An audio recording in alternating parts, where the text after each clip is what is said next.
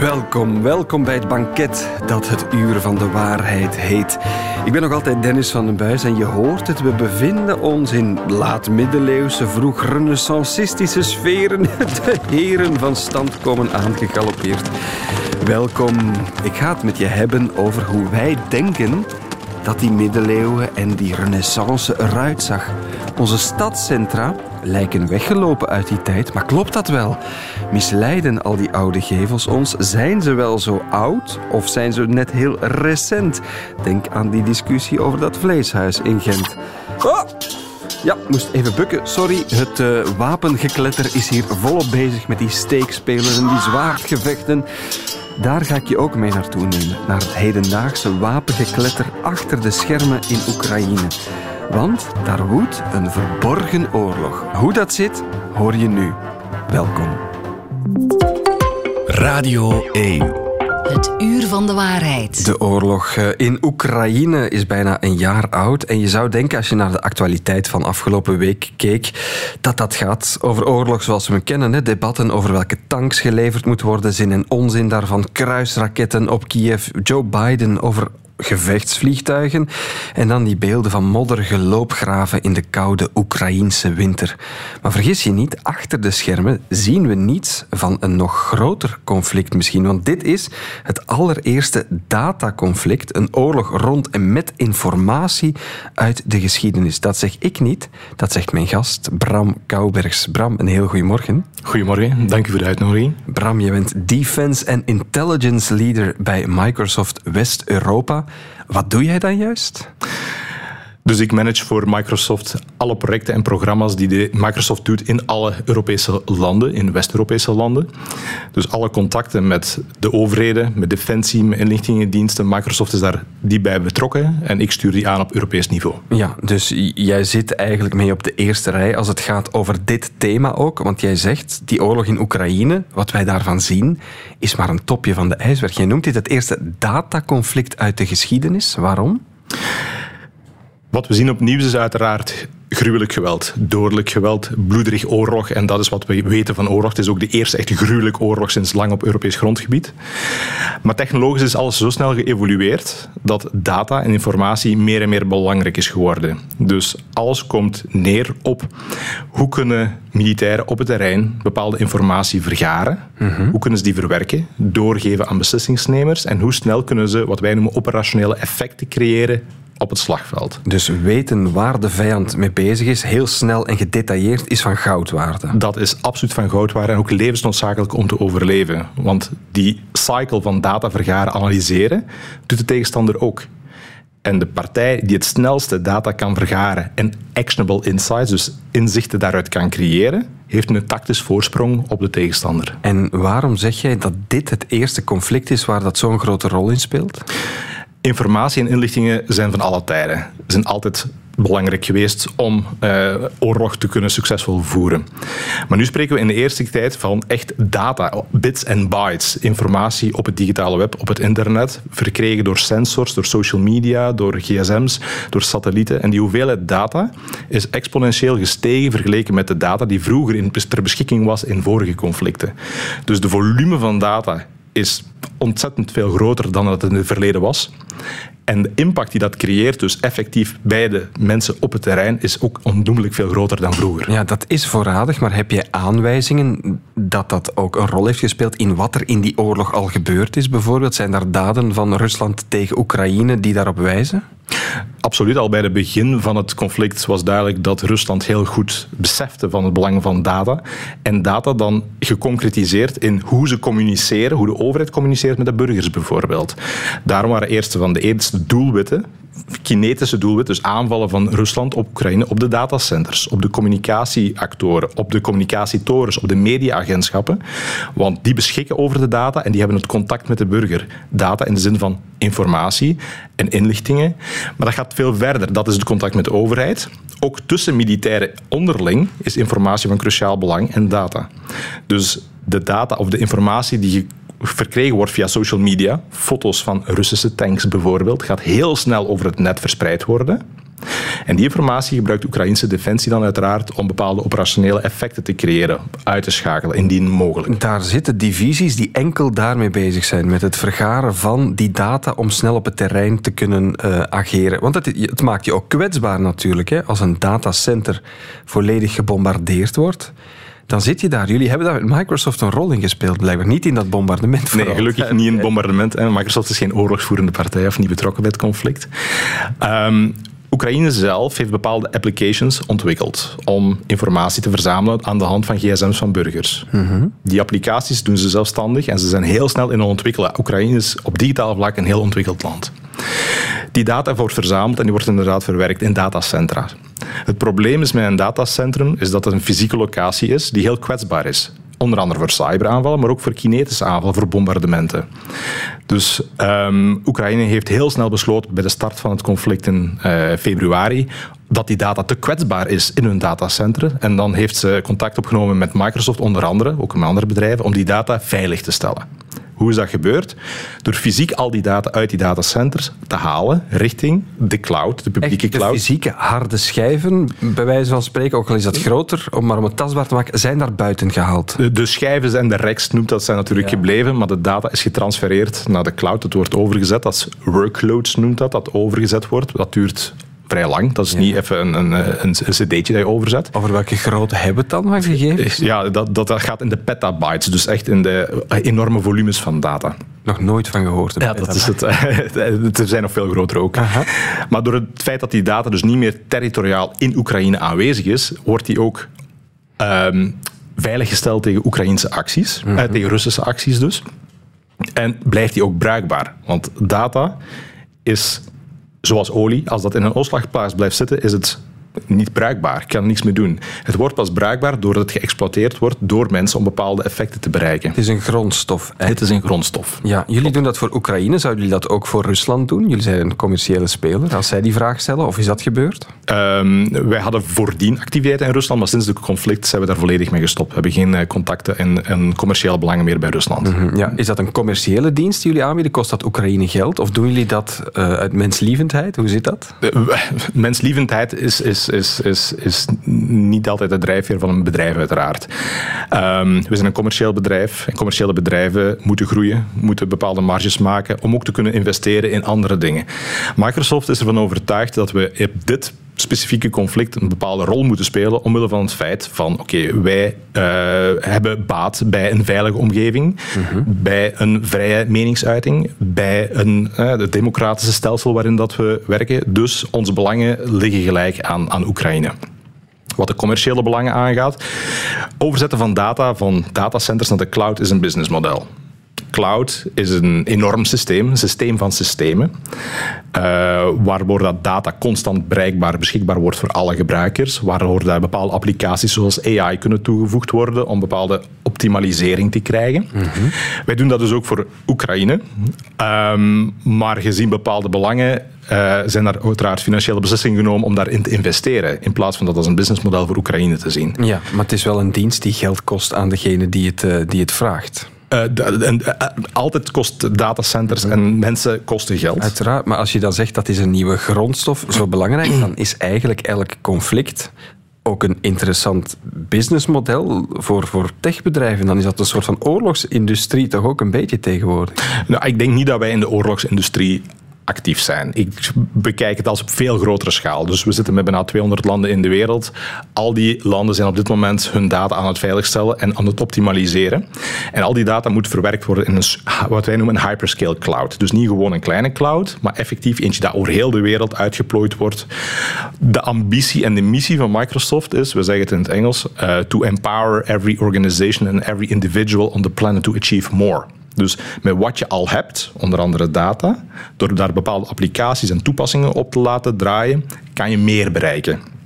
Oekraïne is nu één praktisch voorbeeld dat heel visibel is, uiteraard, door de oorlog en door het conflict en door uh, wat er gebeurt. Maar in andere landen doen we net hetzelfde. En is dat, want dan kom ik terug tot de aard van, van waar het over gaat, eh, de oorlog om die data en informatie, is dat ook veilig? Kunnen cybercriminelen aan de haal gaan met wat er in die cloud staat?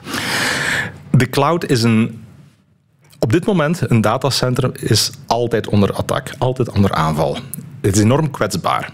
Niet omwille van de racks of de hardware, maar door het feit dat de protocollen en de applicaties constant moeten geüpdate worden. Dus er is een heel sterke human factor aanwezig om datacenters veilig te houden. Hoe ik als gebruiker daar binnen en buiten geraak eigenlijk, dat is een, een kwets, blijft een kwetsbaar punt. Het blijft een kwetsbaar punt. Dus cybercriminelen zoeken altijd zwakke plekken in alle datacenters om binnen te geraken. Dat gebeurt ook bij de cloud. De cloud is niet immuun. 100% veiligheid bestaat niet. Maar doordat je op hyperscale niveau werkt, dus heel veel connected datacenters met elkaar, om het heel simplistisch te zeggen, en om tijd dat we constant onder aanval zijn, zoeken we constant manieren om dat te verbeteren. Dus elke vulnerability, kwetsbaarheid die ontdekt wordt, wordt onmiddellijk gepatcht bij ons, automatisch, door automatische algoritmes, AI. Er komt zelfs geen human meer in de loop, geen mens om effectief updates te doen. En heel het systeem wereldwijd wordt geüpdate. Dus het wordt real life eigenlijk bijgewerkt als er een gaatje uh, ontdekt wordt in dat systeem, zeg je. Mm -hmm. Om terug naar die oorlog te keren, Bram, hoe, omdat je zegt het is het eerste dataconflict, grote dataconflict in, in de geschiedenis. Hoe anders zou die oorlog geweest zijn, nu bijna een jaar, zonder die dataoorlog, denk je? Wat zou er op het terrein anders verlopen zijn of gegaan zijn? Dat is geen eenvoudige vraag. Ik kan niet voorspellen hoe dat dingen lopen hè, zonder bepaalde dat er cruciale elementen aanwezig zijn. Um, we zien wel dat Rusland op datavlak dat Oekraïne een voorsprong had op Rusland qua management van data en veiligstellen van data. Dus Rusland heeft cyberaanvallen gelanceerd. Oekraïne was daar echter al sinds 2014 op voorbereid. Had hun systemen op orde, had hun mensen getraind, bewust gemaakt. Dus het aanval- en verdedigingssysteem van Oekraïne en Rusland was duidelijk bij de start van het conflict. Dus van het militair standpunt komt de tegenstander met een tank, heb je best ook een tank. Mm Om daar tegen te verweren. Maar nog slimmer is natuurlijk om te vermijden dat de tegenstander op uw plaats geraakt met een tank.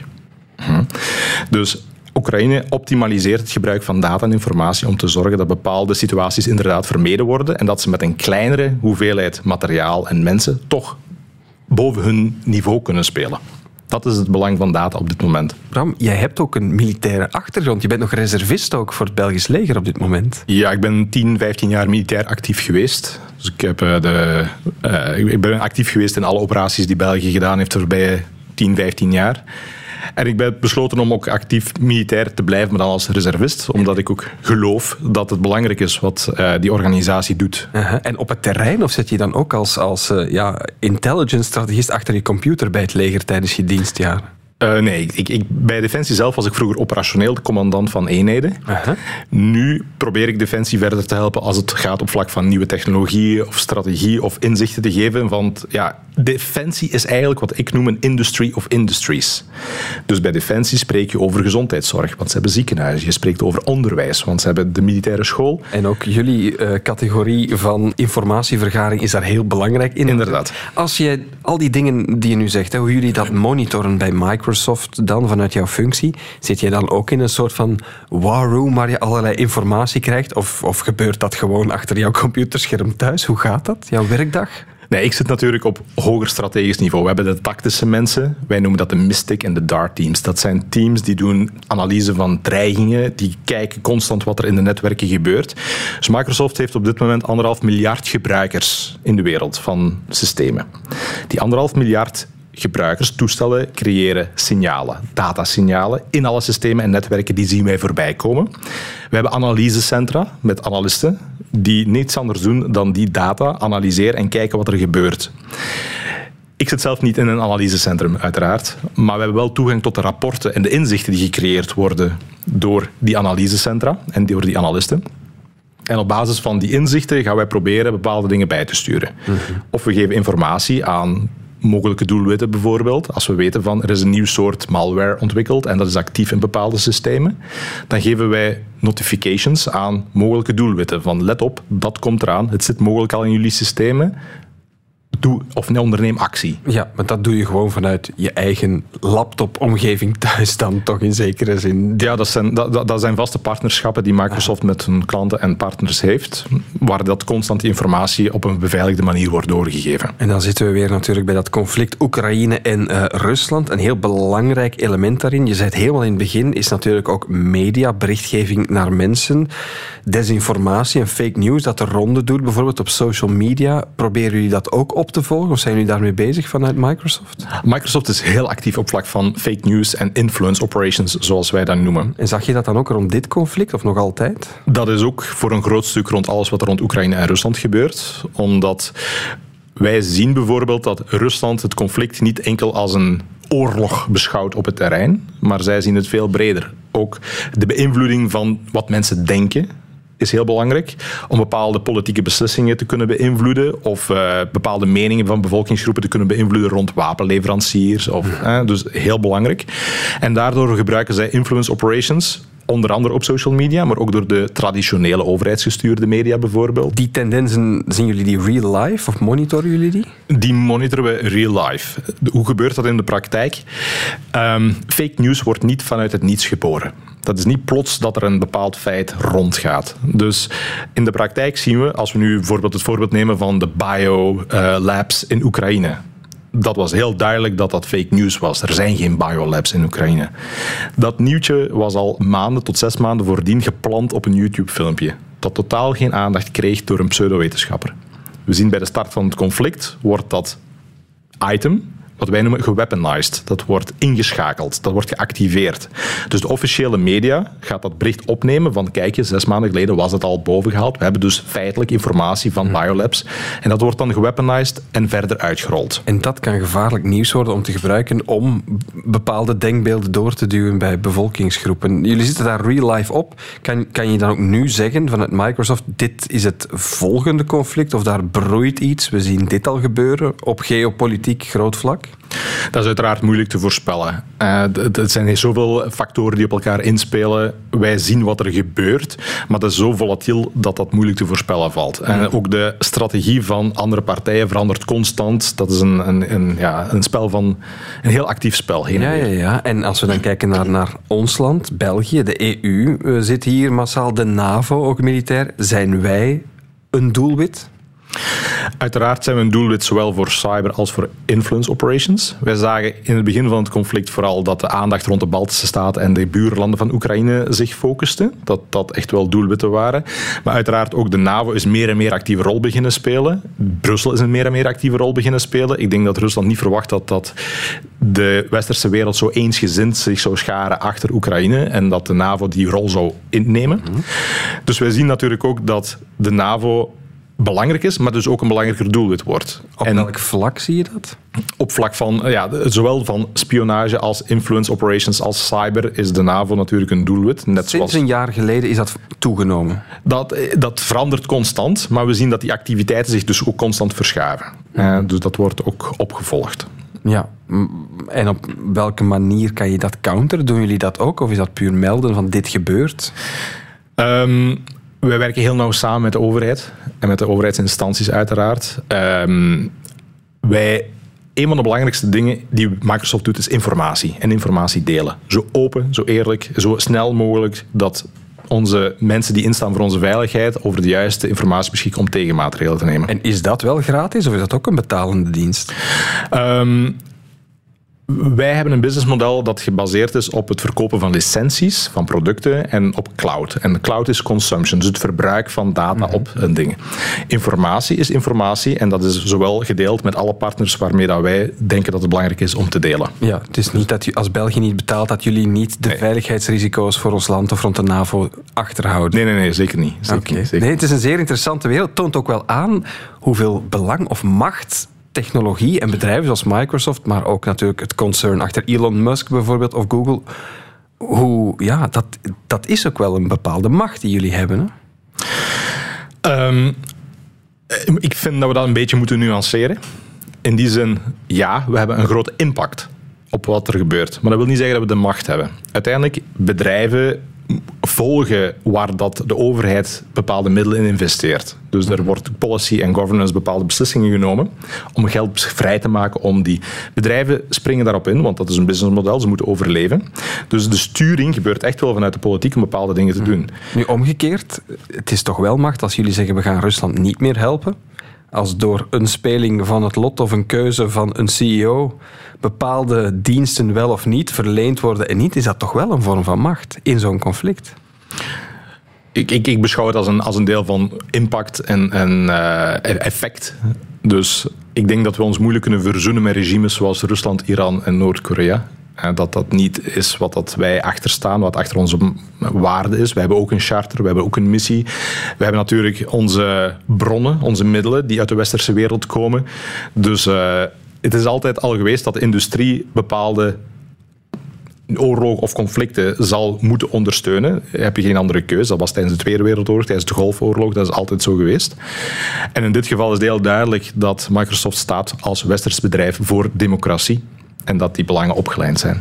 En vandaar hebben we hier een heel uitgebreid gesprek gehad over die onzichtbare oorlog, de dataoorlog, het dataconflict achter de schermen van wat we zien over wapens, loopgraven en tanks. Ik wil jou heel hartelijk danken voor jouw komst en om die dingen met ons samen bloot te leggen. Bram Kouwenbergs van Microsoft, de Defense and Intelligence Leader, ik kan het nog één keer zeggen, in West-Europa. Dank je wel. Dank voor het gesprek. Het uur van de waarheid. We konden deze week niet langs de erfgoeddiscussies kijken. Dat groot vleeshuis in Gent, je weet wel, uh, dat historische gebouw, dat doet denken toch in zekere zin aan de middeleeuwen.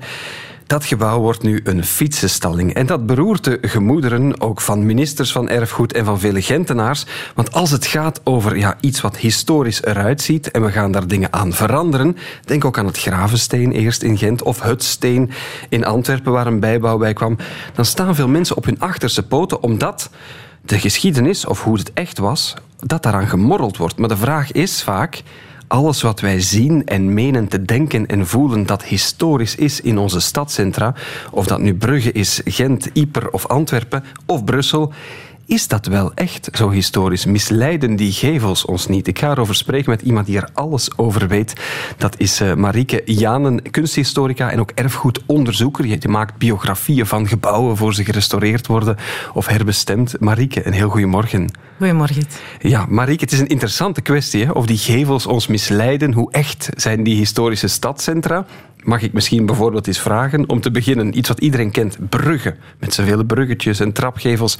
Hoe historisch of hoe echt middeleeuws is het Brugge dat we kennen? Het Brugge dat we kennen heeft een zekere facelift gekregen in de 19e eeuw.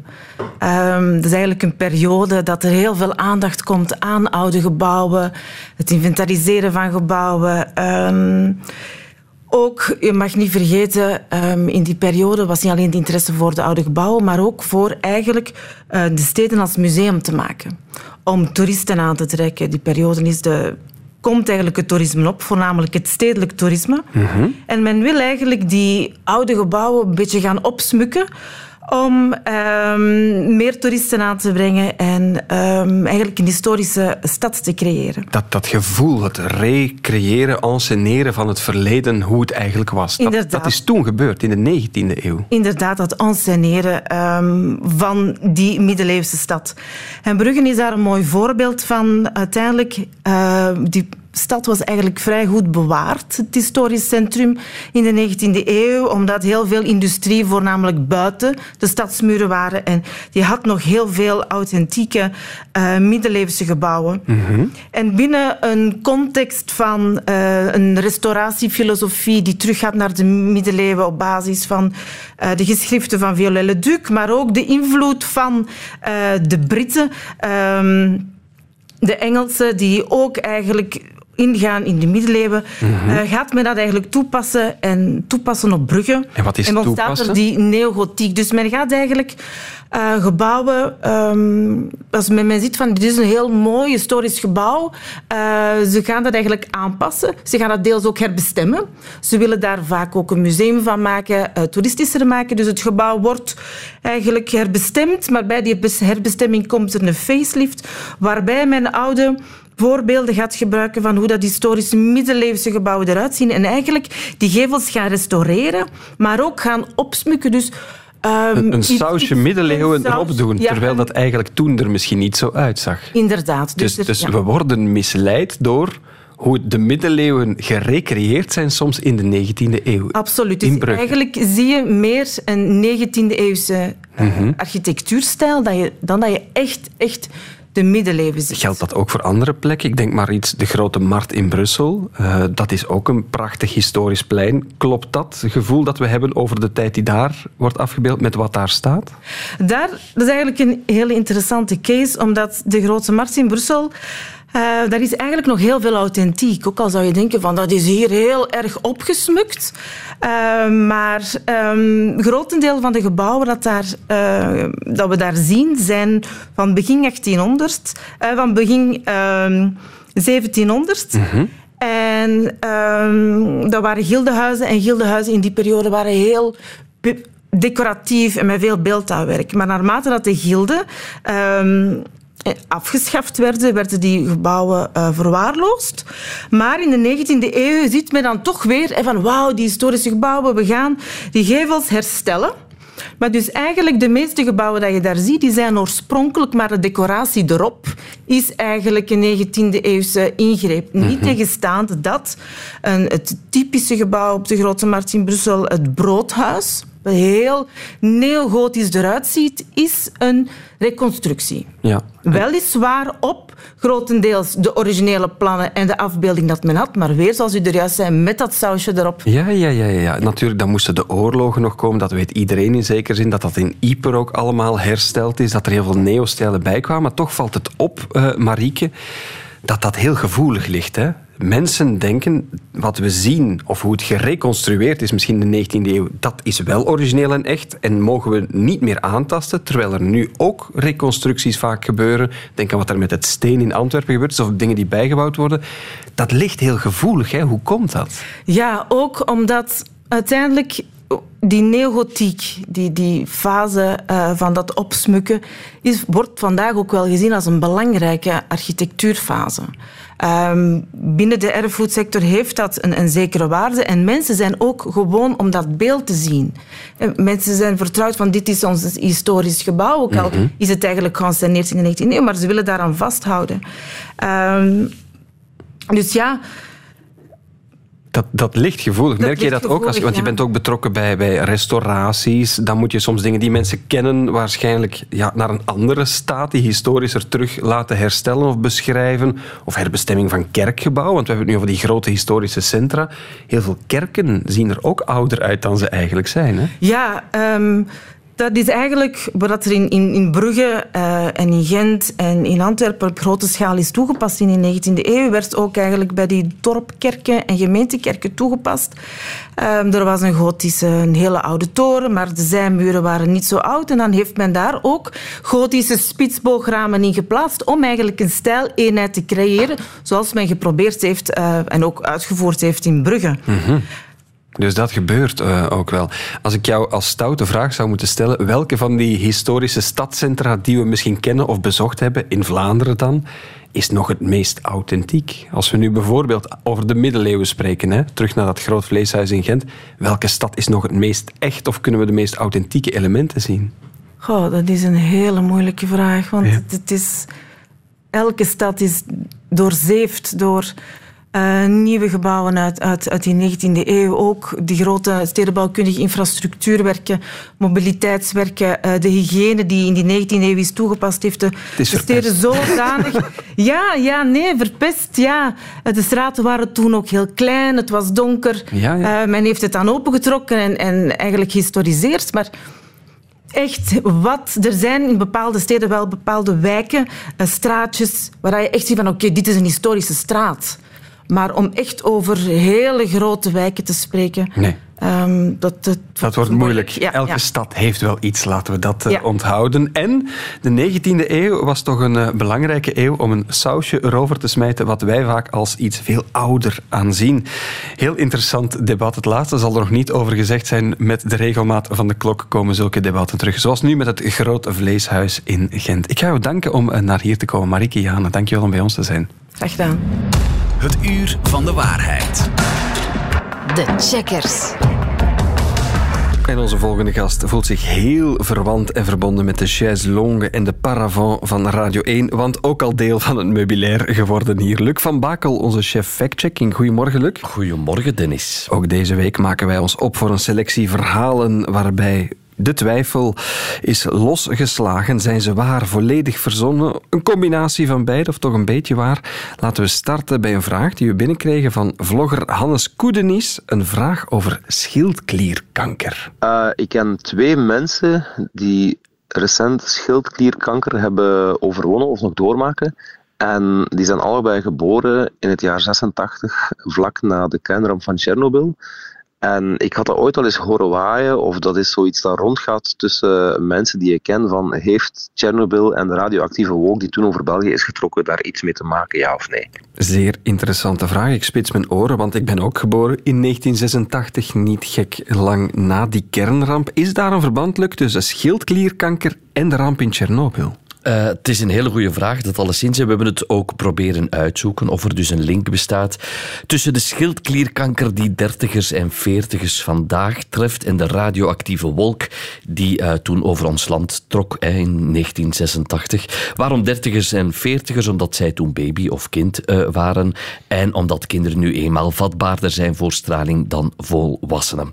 Waarom schildklierkanker? Omdat de schildklier een erg gevoelig orgaan is dat snel giftige stoffen opneemt. Zoals bijvoorbeeld radioactieve jodiumdeeltjes bij een kernramp. Maar Dennis, het antwoord is uh, niet zo eenvoudig. Dat zegt professor oncologie en schildklierexpert Sandra Nuits van het UZ Leuven. Het klopt inderdaad dat, dat schildklierkanker frequenter voorkomt, ook bij ons in België. Maar om dat dan een kausaal verband te noemen met een blootstelling aan straling door Tsjernobyl, dat is een, een heel moeilijke oefening. We weten dat Tsjernobyl een verhoogd uh, risico heeft gegeven tot het ontwikkelen van schildklierkankers, maar voornamelijk in Rusland en Oekraïne, omdat men ook wist dat daar een heel hoge stralingsdosis uh, geweest is ten gevolge van het nucleair incident in, in Tsjernobyl. Maar hier in België wordt dat natuurlijk heel moeilijk, want we weten eigenlijk niet goed welke stralingsdosis hier blootgesteld geweest is. En dan is het moeilijk om daar een kausaal verband te maken ja, moeilijk dus. Uit eerdere studies uh, bleek wel dat het aantal schildklierkankers in België dus wel degelijk gestegen is. Maar er is ook veel meer getest en het kan ook nog andere oorzaken hebben.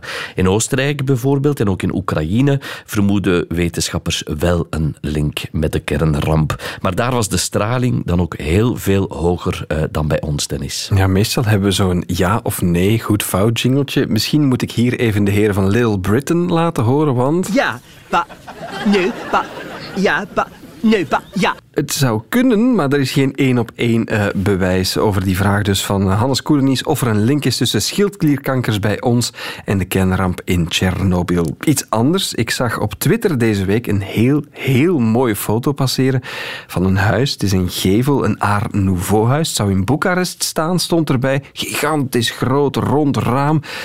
En sommige mensen, Luc, hebben daar vragen over. Stelden zich vragen, is dat echt? Ja, het is een foto die uh, momenteel viraal gaat op het internet. Uh, inderdaad, een huis dat zo uit de catalogus van Victor Horta lijkt te komen. Heel groot gedecoreerd raam aan de voorkant. Alleen al op Twitter werd de afbeelding meer dan 2000 keer gedeeld en 870.000 keer bekeken, waaronder uh, ook door jou, Dennis. Mm -hmm. Alleen, wie online gaat zoeken naar bekende straatbeelden van Boekarest, die gaat die woning niet terugvinden. En dat trok dan weer de aandacht van onze collega Jeff Kouwenbergs. Het is een, uh, inderdaad een heel mooie Art Nouveau villa, uh, maar ze staat niet in Boekarest. Ze staat eigenlijk nergens, ze bestaat helemaal niet. Het is een, een creatie van een Luikse kunstenaar die Thierry Le Chanteur heet. En die heeft eigenlijk een huis gemaakt met Midjourney AI. En dat is een soort software die heel vergelijkbaar is met het heel populaire DAL-E. Dus je geeft daar een beschrijving aan en op basis daarvan genereert dat programma een afbeelding. En in dit geval is dat dus een afbeelding van een heel mooie Art Nouveau villa. Mooi, maar helaas te mooi om waar te zijn, dan klopt het niet. Dat geldt ook voor dit fantastische huis. Als je het toch nog ziet passeren op social media, niet echt gemaakt door artificiële intelligentie, met een hand daarin voor een Belgische kunstenaar, onthoud ik. Tot slot gaan we even naar de maag en het bord. Het middageten komt er ook een beetje aan.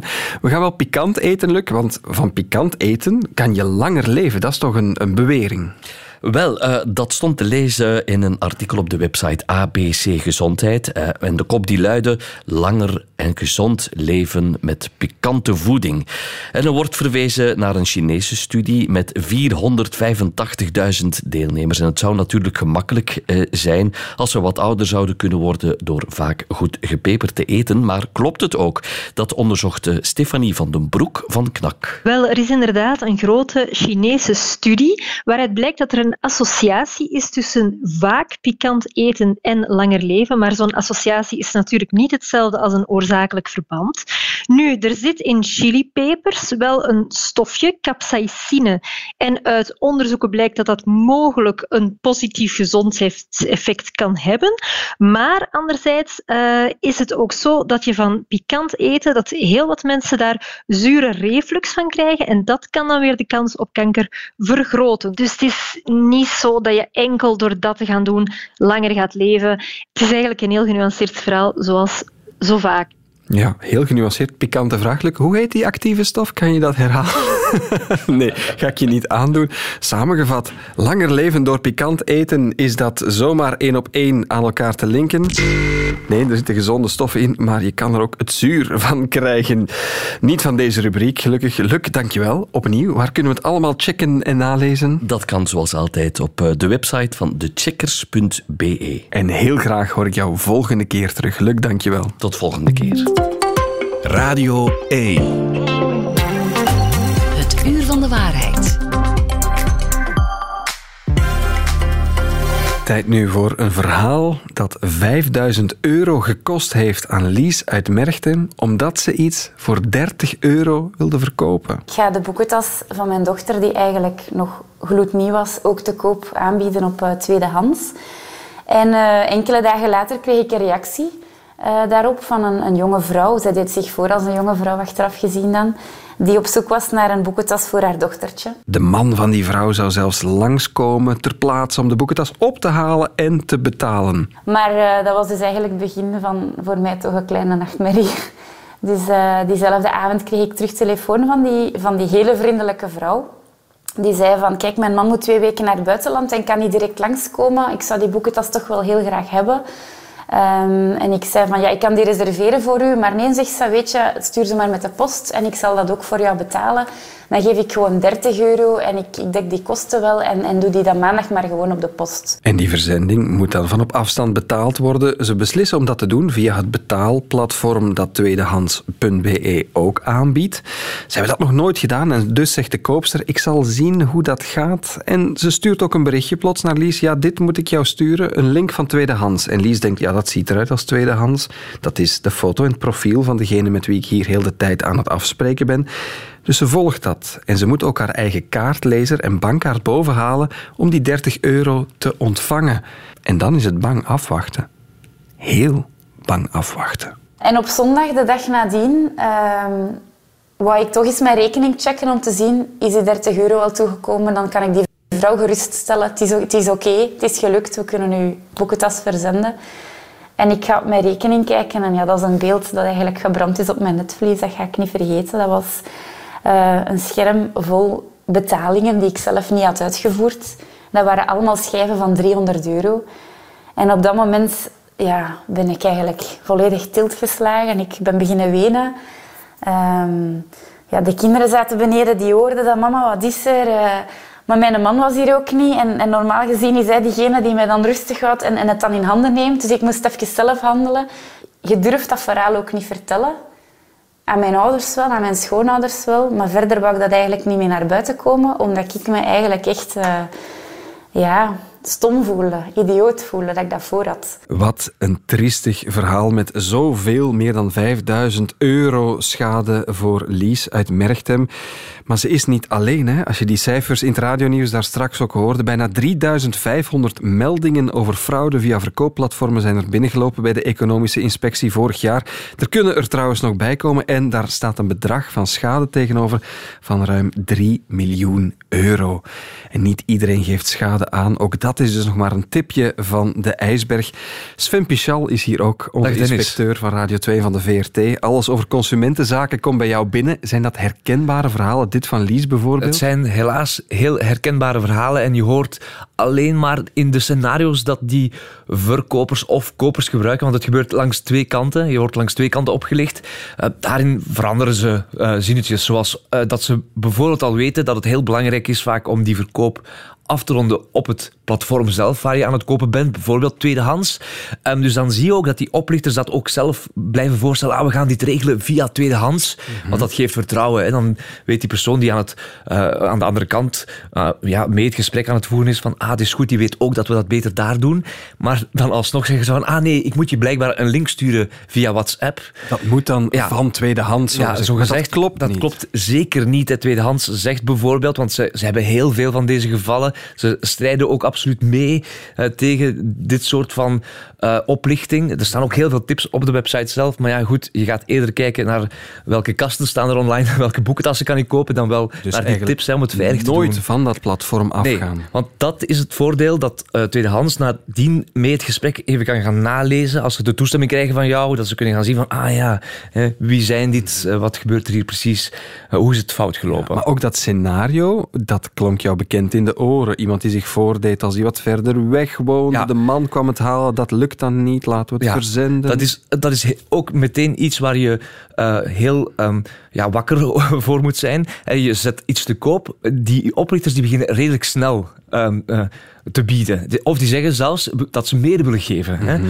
En meestal wonen ze inderdaad, jij woont in Tiene, dan wonen ze in Harelbeke. Dan wonen ze net te ver om, om echt al aan de deur te komen afrekenen. Want dat is ook een van die tips bij tweedehands.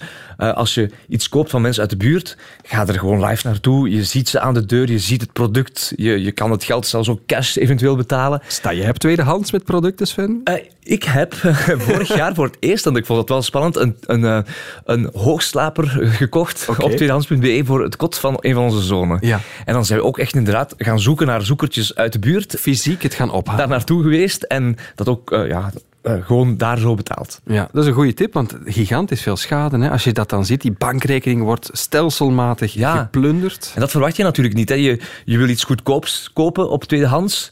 eh, en ja, uiteindelijk wordt je, eh, wordt je rekening leeggeroofd. Dat is, dat is gewoon verschrikkelijk natuurlijk. Hè. Ga je het heel de week trouwens volgende week over hebben, hè? als inspecteur? Ja, over online oplichting gaan we het opnieuw hebben. Want phishing bijvoorbeeld, dat is iets wat we al wel kennen. We weten als we een verdachte mail krijgen dat we niet op een link mogen klikken. Beginnen we meer en meer te beseffen. Het is niet dat het niet meer gebeurt. Maar nu zijn die oplichters nog slimmer geworden. Want er is heel veel informatie dat over ons ja, te grabbel is gegooid. Er zijn heel veel bedrijven waar een datalek is geweest. Er zijn steden en gemeenten waar een datalek is geweest. Met die informatie gaan die oplichters aan de slag. Eh, mensen zeggen, ja, er is al zo wel wantrouwen en het is niet leuk. En wa- waarom doe je dit? Maar we moeten het, echt, we moeten het op zijn minst de trucken van de voor kennen, zodat we kunnen voorkomen dat het ons overkomt. Wel, al die trucken gaan we komende week ook op VRT Nieuws zien verschijnen. Zeker, en ja. de tips daar rond en in onze oren bij jou ook als inspecteur eh, op Radio 2 is dat. Sven Pichal, dankjewel om langs te komen. Bedankt voor de uitnodiging. En daarmee zit er alweer een nieuwe aflevering van Het Uur van de Waarheid helemaal op. Co-productie van Radio 1 en VRT Nieuws. Van in de Oekraïense dataloopgraven tot in onze middeleeuwse, wat heet middeleeuws, steden. Wil je meer afleveringen ontdekken? Dat kan op één plek, de app VRT Max. En dat is zeker geen...